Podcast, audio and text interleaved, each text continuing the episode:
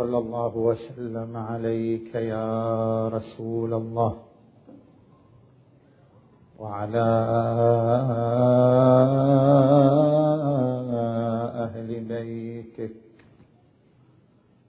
المعصومين المنتجبين يا ليتنا كنا معكم. فنفوز فوزا عظيما. أعوذ بالله من الشيطان الغوي الرجيم. بسم الله الرحمن الرحيم. وما أرسلناك إلا رحمة للعالمين. آمنا بالله صدق الله العلي العظيم.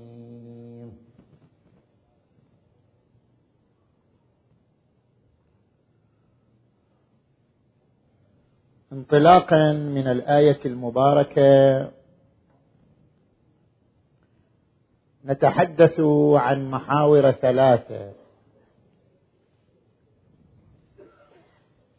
عن الحقيقة المحمدية والرحمة. وعن مظاهر الرحمة المحمدية في شخصية الإمام المهدي. وعن دولة الرحمة التي يقيمها المهدي عجل الله تعالى فرجه الشريف. فهنا محاور ثلاثة. نجي إلى المحور الأول. كثير منا سمع أو قرأ هذا المصطلح. وهو مصطلح الحقيقة المحمدية.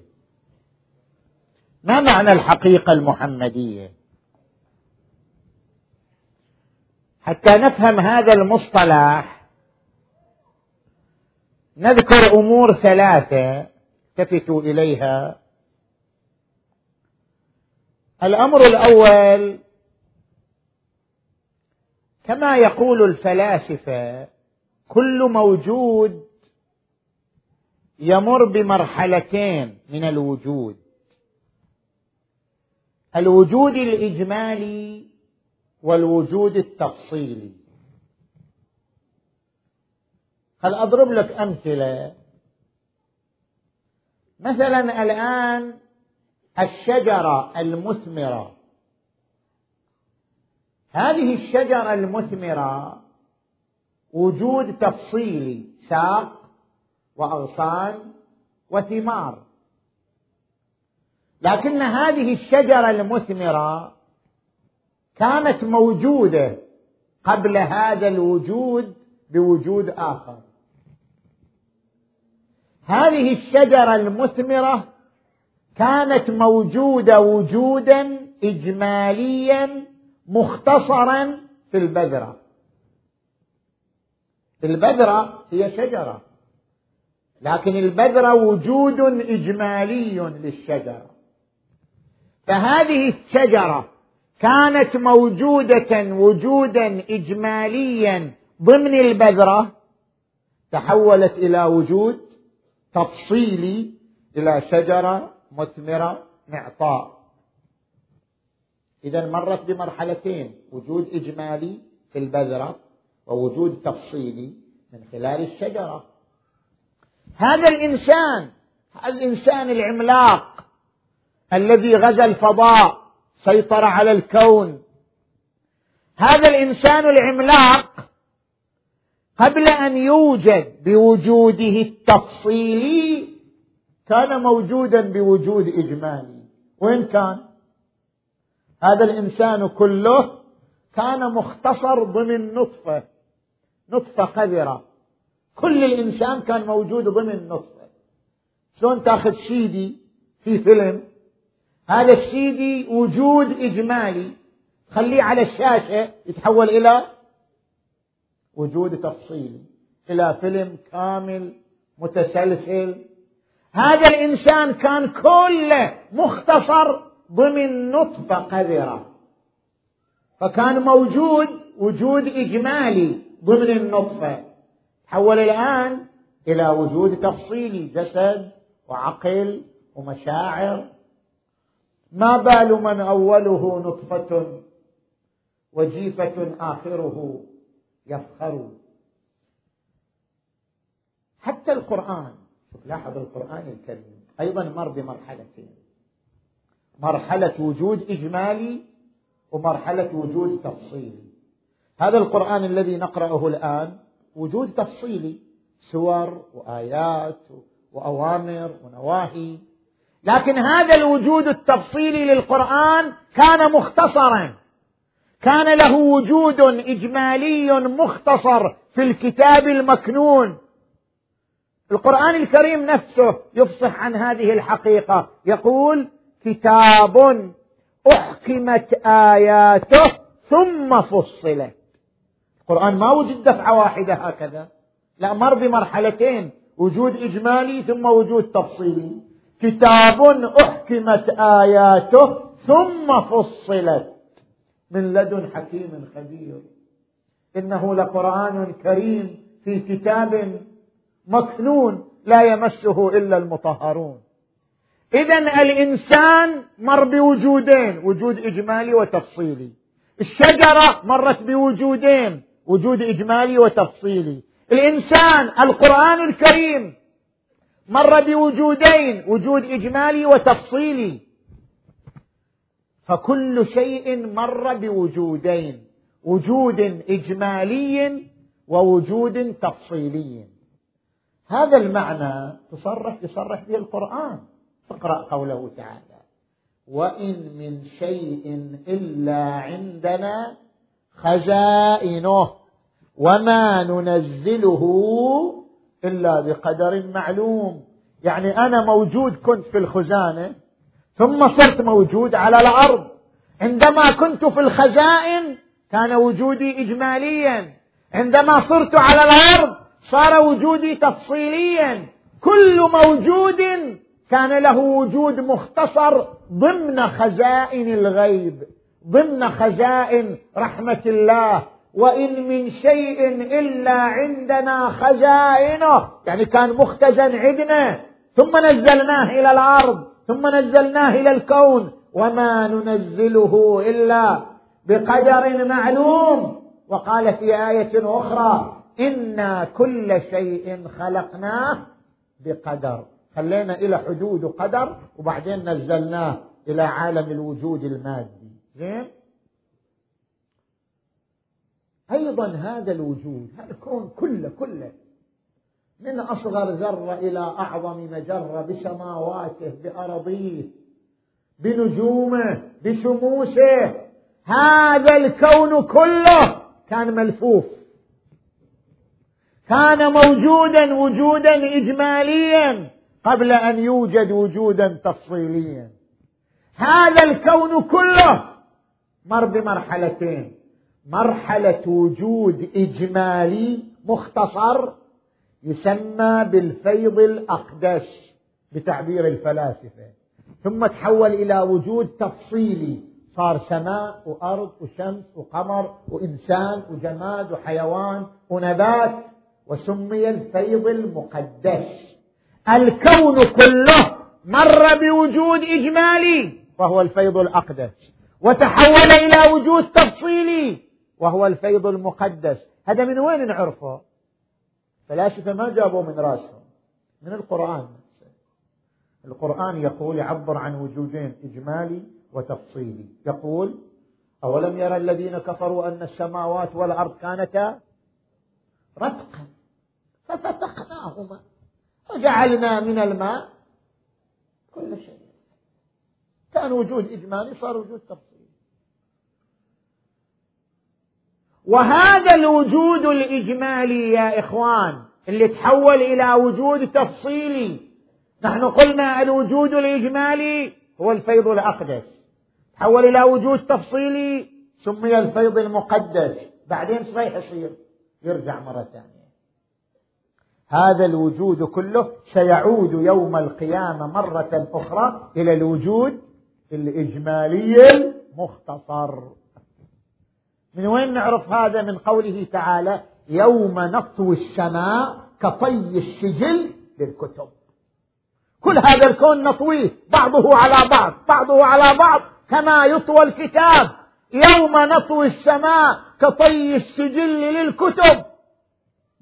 اذا الكون مر بمرحلة الوجود الإجمالي ويسمى بالفيض الاقدس تحول إلى وجود تفصيلي يسمى الفيض المقدس يعود للوجود الإجمالي مرة أخرى. إنا لله وإنا إليه راجعون.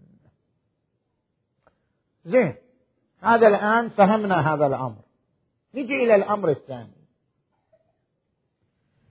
في رواياتنا طبعا هذا ما يختص بالإمامية حتى الإمام أحمد بن حنبل ذكر هذه الروايات. في تراثنا الإسلامي شيء يسمى بعالم الأنوار. شنو يعني عالم الأنوار؟ عالم الأنوار بمعنى أن الله خلق محمدا.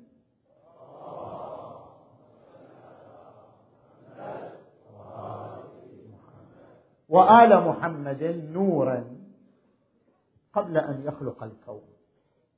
قبل أن يخلق الوجود المادي إن الله خلق نوري ونور علي قبل أن يخلق الكون بألفي عام. وأنت تقرأ في زيارة الجامعة خلقكم الله أنوارا فجعلكم بعرشه محدقين. أشهد أنك كنت نورا. في زيارة الحسين عليه السلام في الأصلاب الشامخة والأرحام المطهرة. عالم الأنوار يعني شنو؟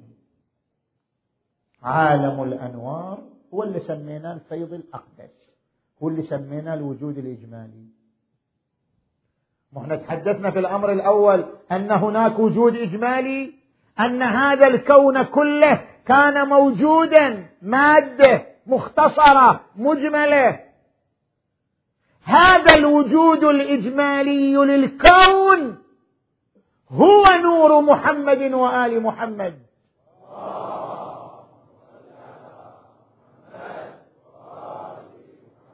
اذا اولا خلق الله الماده النوريه المسماه بنور محمد وآل محمد المسمات بالوجود الإجمالي المسمات بالفيض الأقدس خلقها اولا ثم افاض منها الوجود كله.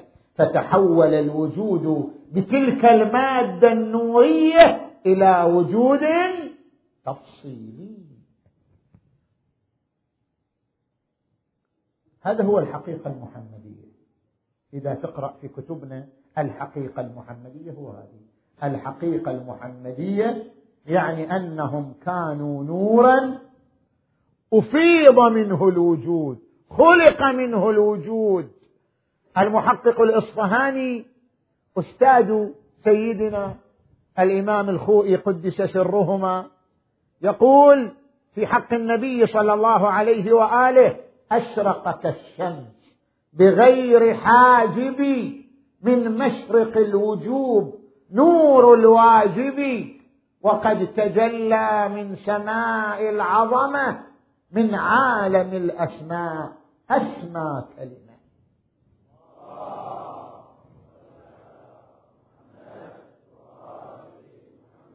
اذا عرفنا أن الحقيقة المحمدية هي الوجود الإجمالي. وبما أن الوجود الإجمالي هو الرحمة لأن الرحمة هي الوجود. قال تبارك وتعالى الذي أعطى كل شيء خلقه ثم هدى. الرحمة هي الوجود. نعرف أن الحقيقة المحمدية هي الرحمة. هي الرحمة العامة. إذا وصلنا إلى معنى الآية. وما أرسلناك إلا رحمة للعالمين.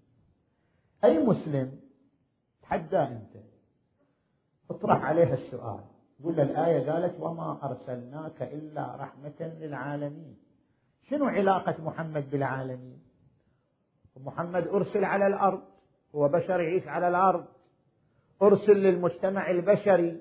شنو علاقته بالعالمين؟ الآية تقول وما أرسلناك إلا رحمة للعالمين. شنو علاقته بالعالمين؟ طيب العالمين يعني عالم السماء عالم الأرض عالم الجن عالم الملائكة عالم النبات عالم الجماد عالم الحيوان. ربط محمد بالعوالم كلها. هو بشر خلق على الأرض وأرسل إلى المجتمع البشري. ما علاقته بالعالمين؟ أي مسلم لن يستطيع تفسير الآية إلا على ضوء المعنى الذي ذكرناه وهو الحقيقة المحمدية.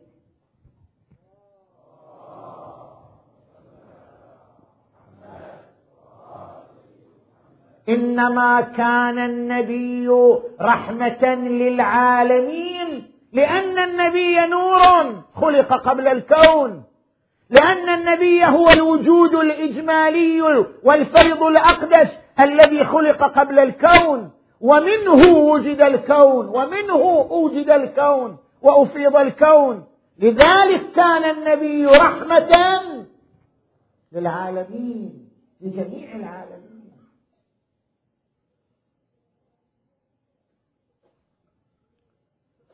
هذا الأمر الثاني. نجي إلى الأمر الثالث. التفتوا يقول علماء العرفان لكل حقيقة رقيقة. شنو معنى لكل حقيقة رقيقة؟ يعني لكل حقيقة مدد ونبع يمدها. وذلك النبع الذي يمدها هو الرقيقة. شلون؟ يعني هذا المصباح اللي أمامي هذا حقيقة لكن الرقيقه هو المدد الذي يمده بالضوء وهو شنو؟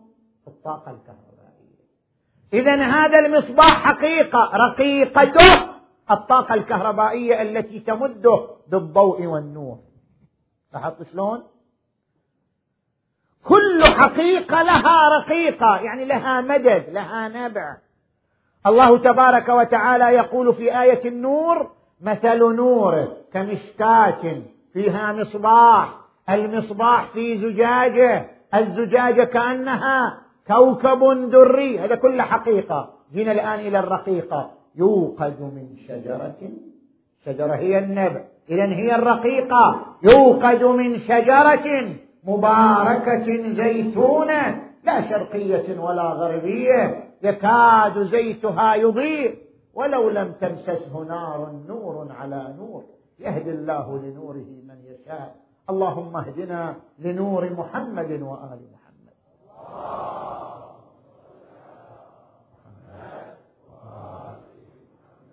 فمحمد مو شخص عادي. محمد مو بشر عادي مثل ما في كتب بعض إخواننا أهل السنة. محمد يركض ويا زوجته ويحك المني من ثوبه ونام عن صلاة الصبح. لا. محمد هو الرحمة العامة للعالمين جميعا. محمد هو الوجود والفيض الأقدس الذي سبق هذا الكون وأفيض منه هذا الكون. هذه هي الحقيقة. لكن من يشعر برقيقه هذه الحقيقة؟ ومن يصل إلى رقيقه هذه الحقيقة؟ ومن يشعر بطعم النور المحمدي؟ ومن يشعر بلذة النور المحمدي الذي يشعر به خواص من الناس وهم المحسنون؟ قالت الآية المباركة إن رحمة الله قريب من المحسنين. وقال تبارك وتعالى ورحمتي وسعت كل شيء فسأكتبها للذين يتقون. زين. انتهينا من هذا المحور الأول. عرفنا معنى الحقيقة المحمدية. عرفنا أن المقصود بالآية وما أرسلناك إلا رحمة للعالمين أنه هو الوجود الأقدس الذي أفيض منه الكون كله. زين. الآن نجي إلى المحور الثاني. صلوا على محمد وآل محمد.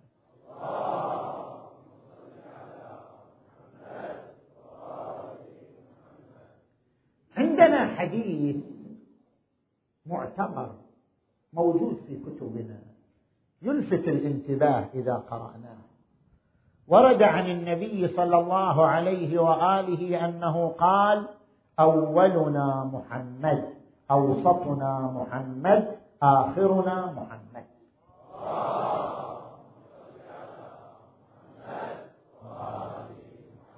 من واحد يقرأ الحديث ربما يتصور إن النبي قاعد يعدد أسماء. بيجي يقول للناس ترى ها ترى أول واحد اسمه محمد ترى اللي في الوسط اسمه محمد. لا ليس الحديث بيانا للأسماء إنما الحديث بيان لمراحل الحقيقة المحمدية. أن الحقيقة المحمدية نور يمر بمراحل. هذا النور له مبدأ له وسط له منتهى. مبدأ هذا النور الذي سرى نزل من السماء إلى الأرض. مبدأ هذا النور هو المصطفى صلى الله عليه وآله. لأنه هو الذي بذر بذره الدعوة. ووسط هذا النور الإمام الباقر الذي بقر العلم بقرا ليش؟ ليش نخص الإمام الباقر؟ لأنه على يده تأسست دعائم المذهب. الإمام الباقر هو أول إمام أعطيت له الفرصة أن أن يرسي دعائم المذهب وأن يشيد أسس الفكر الامامي الامام الباقر اذا وسطنا محمد. والمنتهى هو الذي يحقق الدولة التامة ويحقق العدالة التامة على الأرض كلها وهو الذي بيده تظهر ثمرة جهود الأنبياء وجهود المرسلين وتضحيات الأولياء والأوصياء. ونريد أن نمن على الذين استضعفوا في الأرض ونجعلهم أئمة ونجعلهم الوارثين. اذا الأخير هو الذي يحقق الثمرة المطلوبة واخرنا محمد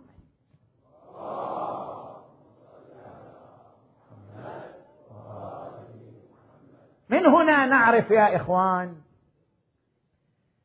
أن المنتظر هو امتداد لجده المصطفى وصورة أخرى عن جده المصطفى. فكما كان النبي رحمة للعالمين المنتظر أيضا رحمة للعالمين. كما كان النبي قطعة من الرحمة المهدي أيضا قطعة من الرحمة. نتحدث الآن في المحور الثاني عن مظاهر الرحمة المحمدية في شخصية الإمام المنتظر عجل الله تعالى فرجه الشريف. هناك ثلاثة مظاهر مهمة. المظهر الأول خلق الرحمة. النبي صلى الله عليه وآله كان قطعة من الرحمة. خلقه رحمة. القرآن الكريم يقول فبما رحمة من الله لنت لهم. ولو كنت فظا غليظ القلب لانفضوا من حولك. كان قطعة من التواضع قطعة من البسمة قطعة من الجذب قطعة من الألفة والمحبة. صلوات الله عليه وآله.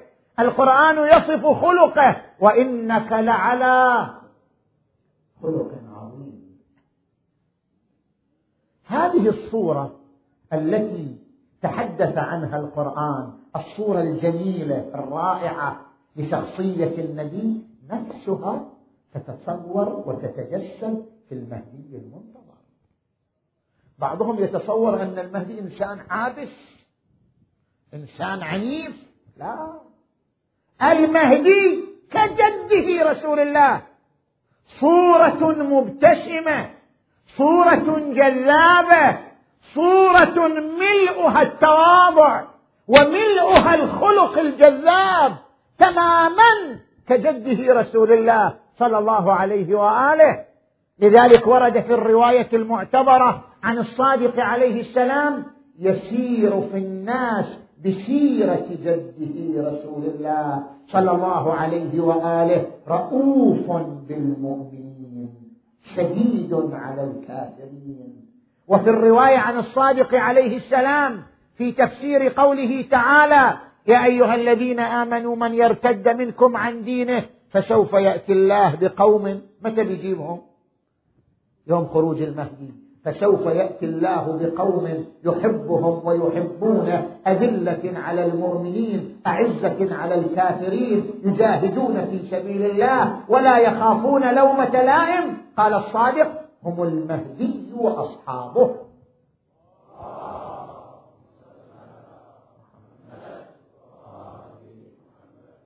إذا المهدي قطعة من الرحمة قطعة من الحنان والرأفة. مثال لجده المصطفى صلى الله عليه وآله. نجي إلى المظهر الثاني المجتمع الأخوي. شوف أنت من تقرأ كتب المستشرقين. المستشرقين هم من هم؟ هم جماعة من الغرب مسيحيين دخلوا بلاد الإسلام وتتبعوا الآثار آثار الإسلام وكتبوا عن الإسلام. المستشرقون طعنوا في النبي في كل شيء إلا شيء واحد.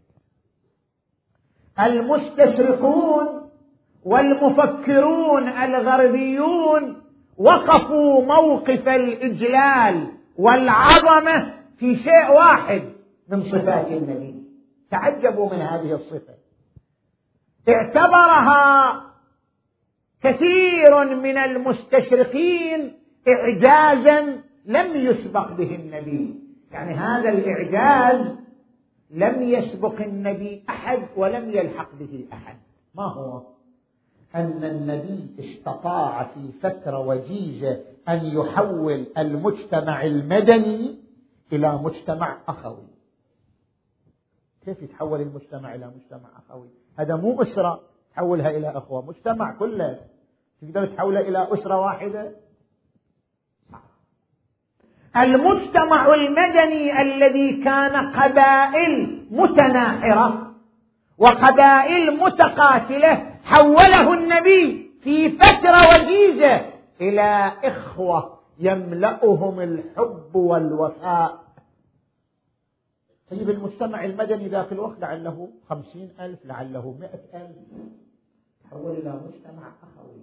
هذا إنجاز لم يسبق به النبي ولم يتحقق بعد النبي. هذا إنجاز إعجازي للنبي صلى الله عليه وآله. أن حول المجتمع المدني إلى مجتمع أخوي.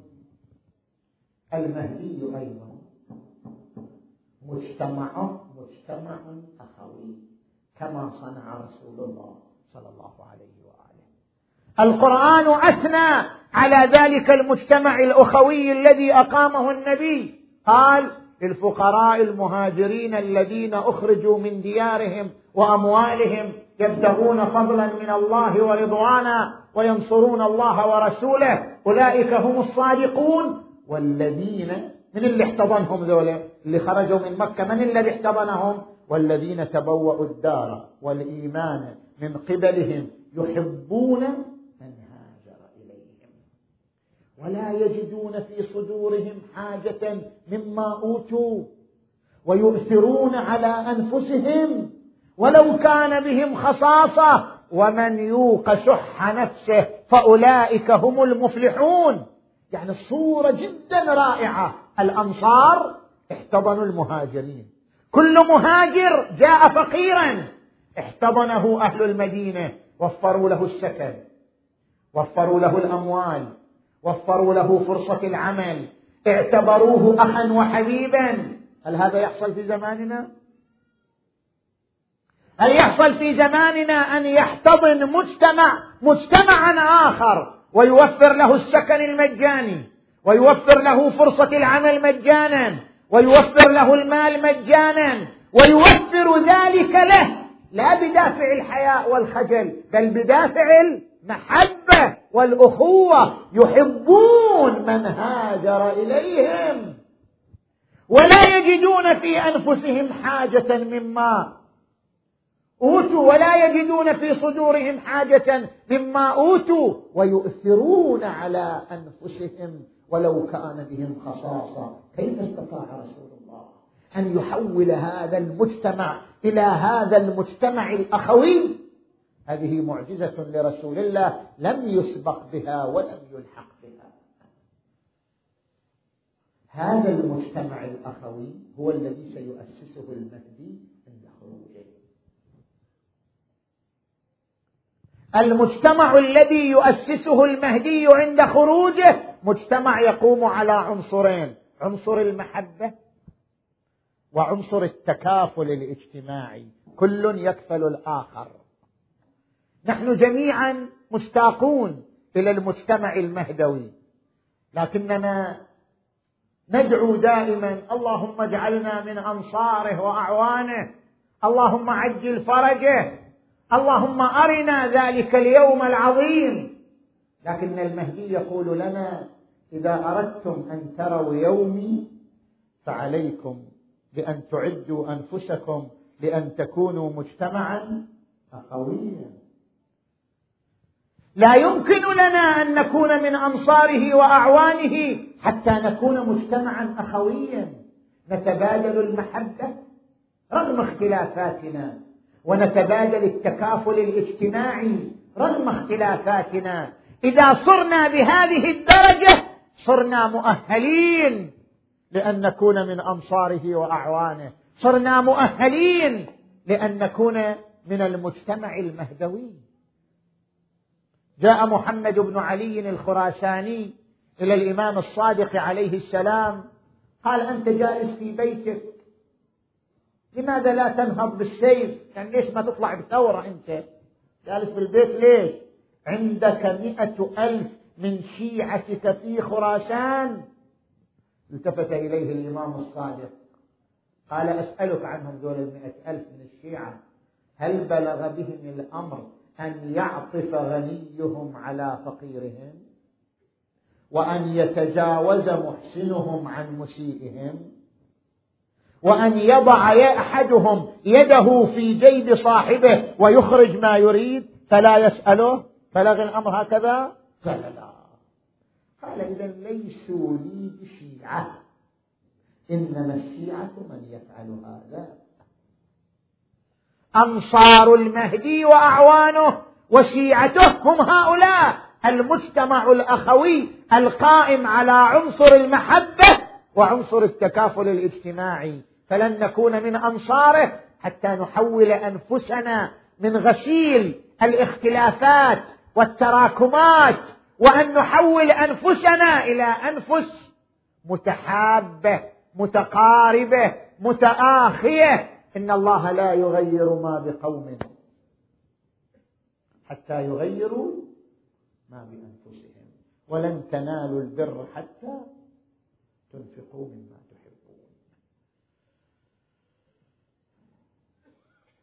المظهر الثالث من مظاهر الرحمة المحمدية التي تجسدت في شخصية المهدي المنتظر عجل الله تعالى فرجه الشريف الرحمة العامة.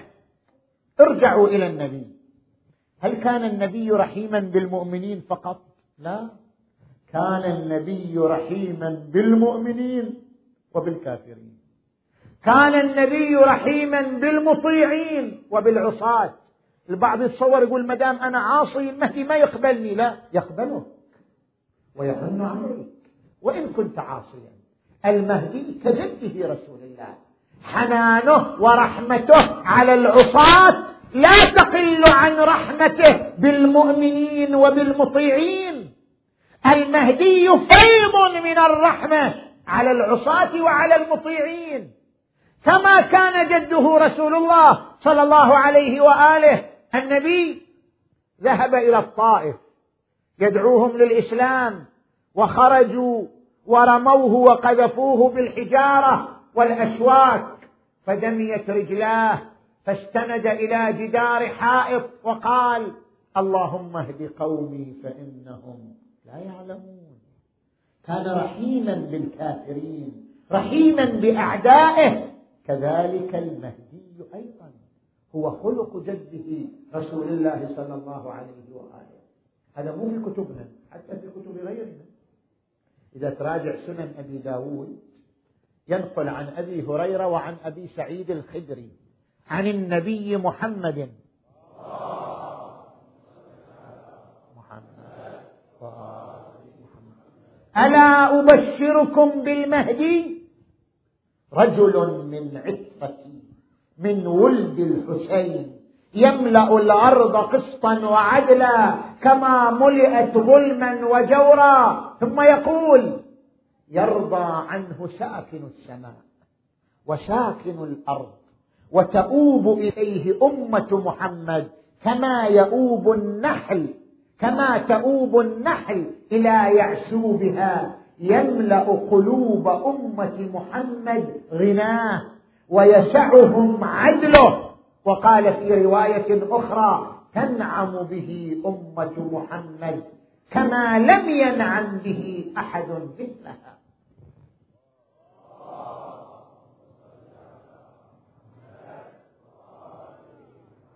فالمهدي بشارة فالمهدي بشارة والمهدي رحمة والمهدي خلق والمهدي حنان ورأفه على العصاة والمنحرفين.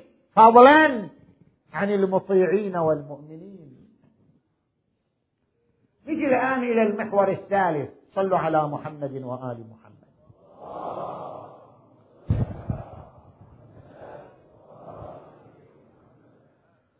هناك شبهة طرحها بعض الأقلام الإسلامية لا نذكر اسمه ذكر في هذه الشبهة أن مهدي الشيعة يختلف عن مهدي أهل السنة والجماعة.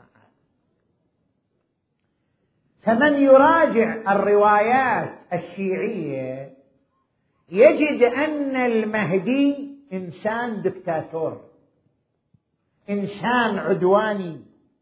إنسان مصدر للعنف والبطش والاستئصال لأمة النبي صلى الله عليه وآله. الصورة التي تصورها روايات الإمامية عن المهدي تصور لنا دولة تقوم على السيف والبطش والاستئصال والعنف.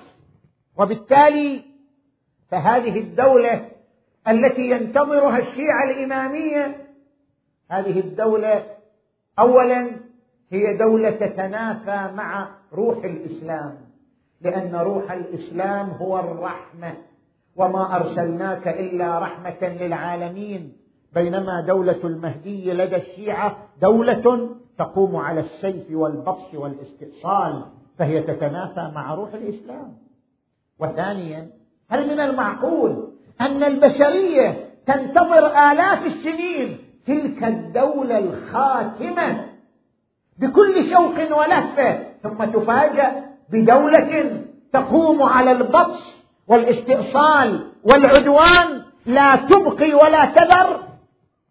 إذا تحقق إذا بالنتيجة لم يتحقق أمل البشرية وإنما تصاب بالخيبة وتصاب بالخذلان. مهدي الشيعة هذا هو. إنسان عنيف عدواني. أما مهدي أهل السنة والجماعة فهو مصدر الرحمة والعطف.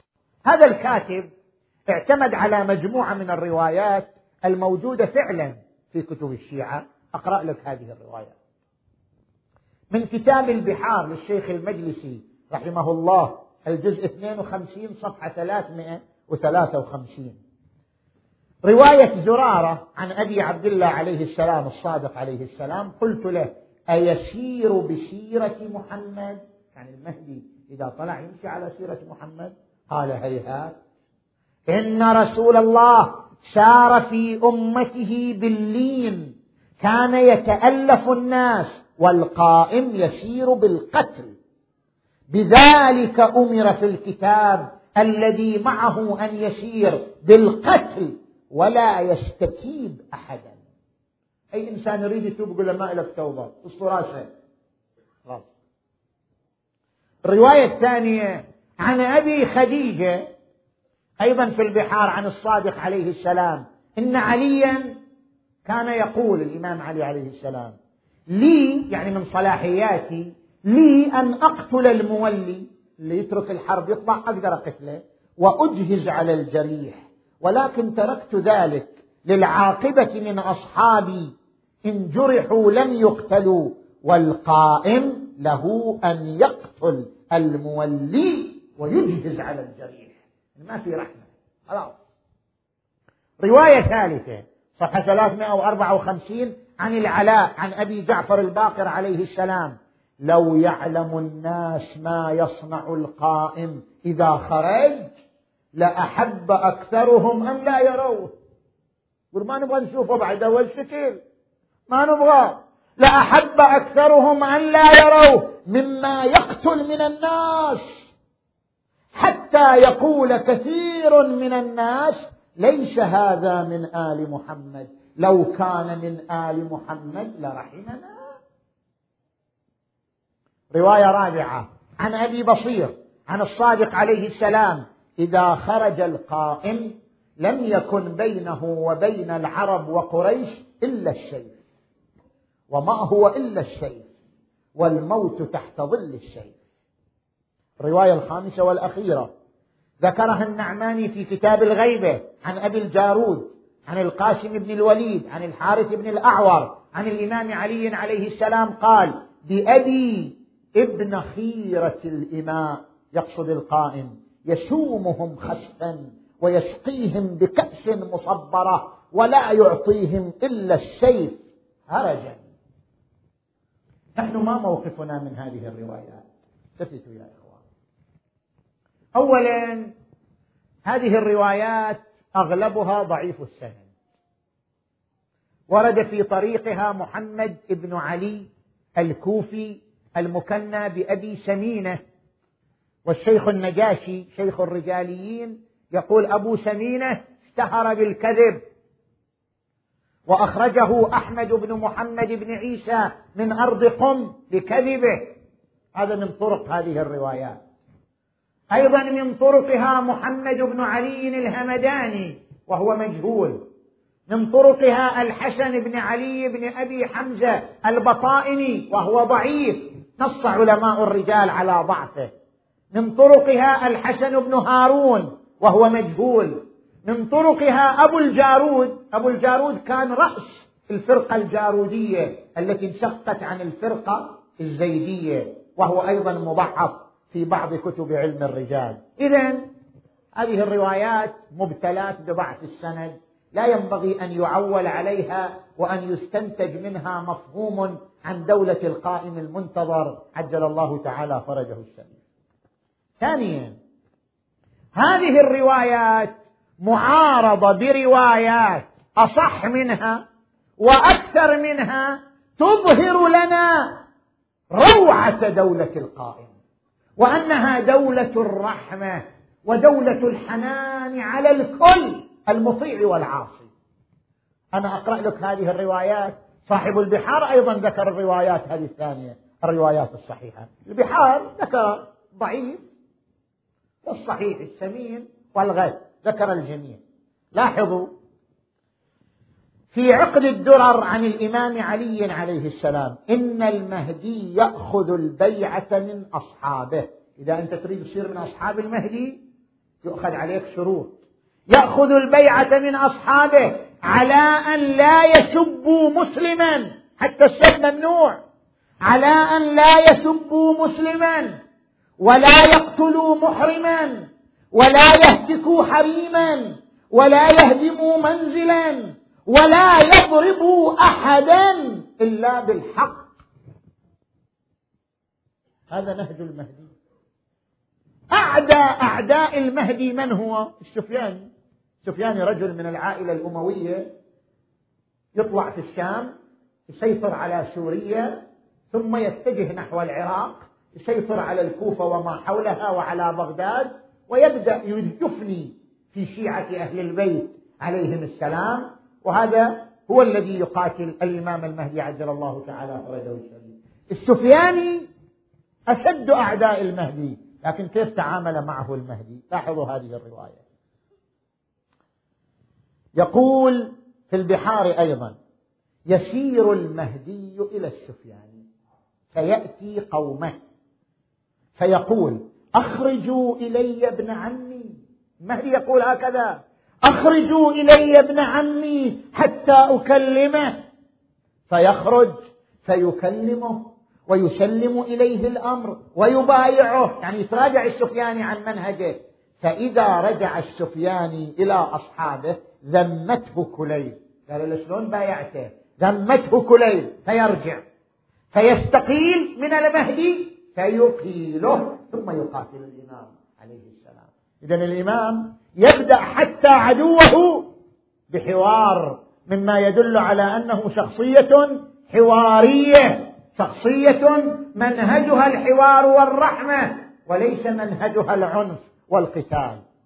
ويذكر في البحار عن الإمام علي عليه السلام أن المهدي يستدعي بين يديه كبار اليهود وأحبارهم ورؤساء دين النصارى وعلماءهم ويحضر التوراة والإنجيل والزبور والفرقان ويجادلهم على كل كتاب. ما يقاتلهم؟ أول يبين لهم الحقائق ويجادلهم على كل كتاب بمفرده ويطلب منهم تأويله ويعرفهم تبديله. إذا هو إنسان حواري. لاحظتوا شلون؟ ثالثا. النصوص الشريفة عينت لنا من هو المستهدف بالقتال. المهدي لا يستهدف أحدا. المهدي قتاله قتال دفاعي وليس قتالا هجوميا. أتدري من هي الفئة التي ستقاتل المهدي؟ الغرب بيهودة ومسيحية سيؤمن وسيسلم للمهدي ولن يقاتله. الذي سيقاتل المهدي فئة من المسلمين وهي فئة النواصب أغلب أهل الأرض سيسلمون له طوعا لأنه سيظهر بمظهر العلم بمنطق العلم بمنطق المعرفة بمنطق حضاري بمنطق الرأفة والحنان. سيسلم له أغلب أهل الأرض طوعا. وستقاتله فئة خاصة من المسلمين ألا وهم النواصب. عن الإمام الباقر عليه السلام إذا ظهر القائم خرج إليه قراء أهل الكوفة والبصرة. القراء يعني اللي يقولوا شنو؟ قراء هذا كناية. كناية عن الذين يقولون حسبنا كتاب الله. وخلونا بس هي القرآن. نحفظ القرآن ونتلو القرآن. خرج إليه قراء أهل الكوفة وقد علقوا المصاحف على أعناقهم فيقولون لا حاجة لنا فيك. ارجع حيث شئت. وفي بعض الروايات يقبل المهدي على الطائفة المنحرفة فيعظهم ويدعوهم ثلاثا يعني ثلاثة أيام فلا يزدادون إلا طغيانا وكفرا. ثم يأمر بقتالهم إذا من خلال هذه الملاحظات عرفنا أن دولة المهدي دولة الرحمة دولة الرأفة دولة الحنان وأنها دولة حوارية. لا تفرض الدين بالقسر والإكراه وإنما ستنشر الدين بلغة العلم والحوار والمنطق الحضاري. وهذه سيرة آبائه وأجداده. رسول الله كان إنسانا حواريا بدأ بالحوار ولم يبدأ القتال. وعلي كان إنسانا حواريا بدأ بالحوار ولم يبدأ القتال. والحسين نفسه الحسين ما كان إنسان عنيف الحسين كان إنسانا حواريا حاور المقاتلين ووعظهم إلى آخر لحظة من لحظات وجوده الشريف حتى أنه بكى على أعدائه وقال أبكي على هؤلاء القوم يدخلون النار بسبب قتلي. الحسين ما خرج من المدينة إلى مكة إلى كربلاء بقصد أن يقتل أو يقتل إنما خرج بقصد الإصلاح لكنهم أصروا على قتله. وقال والله لا يدعوني حتى يستخرجوا هذه العلقة من جوفي. ولو كنت في جحر هامة لاستخرجوني وقتلوني. ثم وقف على جبل الصفا وقال كأني بأوصالي تقطعها عسلان الفلا بين النواويس وكربلا فيملأن مني أكراشا جوفا وأجربة سغبا لا محيص عن يوم خط بالقلم رضا الله رضانا أهل البيت. نصبر على بلائه ويوفينا أجور الصابرين. ألا فمن كان فينا بأذلا مهجته موطنا على لقاء الله نفسه. فإني راحل مغل يرحل معنا؟ فإني راحل مصبحا إن شاء الله تعالى. ولكن جاء الرسول إلى محمد بن الحنفية. قال قم يا محمد فقد عزم أخوك على الخروج. جاء بأبي وأمي كب على رجليه يقبلهما. أبا عبد الله وعدتني أن تنظر في الأمر فما أعجلك على الخروج؟ قال أخي محمد رأيت جدي رسول الله. في المنام وهو يقول حسين امضي ما أمرت به إن لك لدرجة في الجنة لا تنالها إلا بالشهادة. أخي محمد عزمت على الخروج. قال أخي إذا كنت ستقتل فلماذا تأخذ الأطفال والنساء معك؟ قال أخي محمد شاء الله أن يراني قتيلا. وأن يرى النساء سبايا. عظم الله أجوركم. أقبل إليه. قال إذا كان ولا بد فاترك معي أختي العقيلة زينب. هذه زينب أمانة من أبينا أمير المؤمنين. لا أستطيع أن أفرط في هذه الأمانة. أودعها عندنا. دعها معي واخرج أنت إلى العراق. وإذا بزينب تنادي أخي محمد أخي محمد أنا لا أترك أبا عبد الله. رجلي برجله ويدي بيده. أوصتني بذلك أمي فاطمة الزهر إلى أن جاء وقت الوداع. كان الوداع ساعة عصيبة ساعة عظيمة على هؤلاء الأحبة. لما جاء وقت الوداع اعتنق محمد بن الحنفية الحسين إلى صدره فقال أخي في أمان الله أخي في داعة الله. كان انتصر نيجيك مكتوب السلامة. كان انتصرنا يجيك مكتوب السلام. كان انذبحنا لازم ترد هاليتا. وبيني وبينك حمرتي الدنيا علامه وافعل يا خويا من البواكي كل متر. التفت محمد بن الحنفية إلى أخته زينب. قالها يا خي سفرتك غصبا علي. مرتاب قلبي من طفوف الغار خاف يركبونك بعد خدرك مطي وتروحي حسرة ميسرة للفاجر يجي. عظم الله أجوركم. جاء وقت الوداع لزينب التفتت زينب من يركبني على الناقة؟ من ياخذ بيدي إلى الناقة؟ أقبلت الرجال كلهم اليها لأن زينب غاليه عزيزة. أقبل أبو الفضل أقبل الأكبر أقبل القاسم. جلسوا عندها. قالوا عم زينب أصعدي على أكتافنا. عم زينب نحن نصعدك على الناقة أصعدوها على الناقة. وهي بين الرجال الأعزاء بين الرجال الأحباء. ساعد الله قلبها يوم العاشر من المحرم. التفتت فإذا هؤلاء الرجال. كلهم صرعى على ثرى كربلاء تنظر إلى العباس والأكبر والقاسم وهم مجزرون كالأضاحي.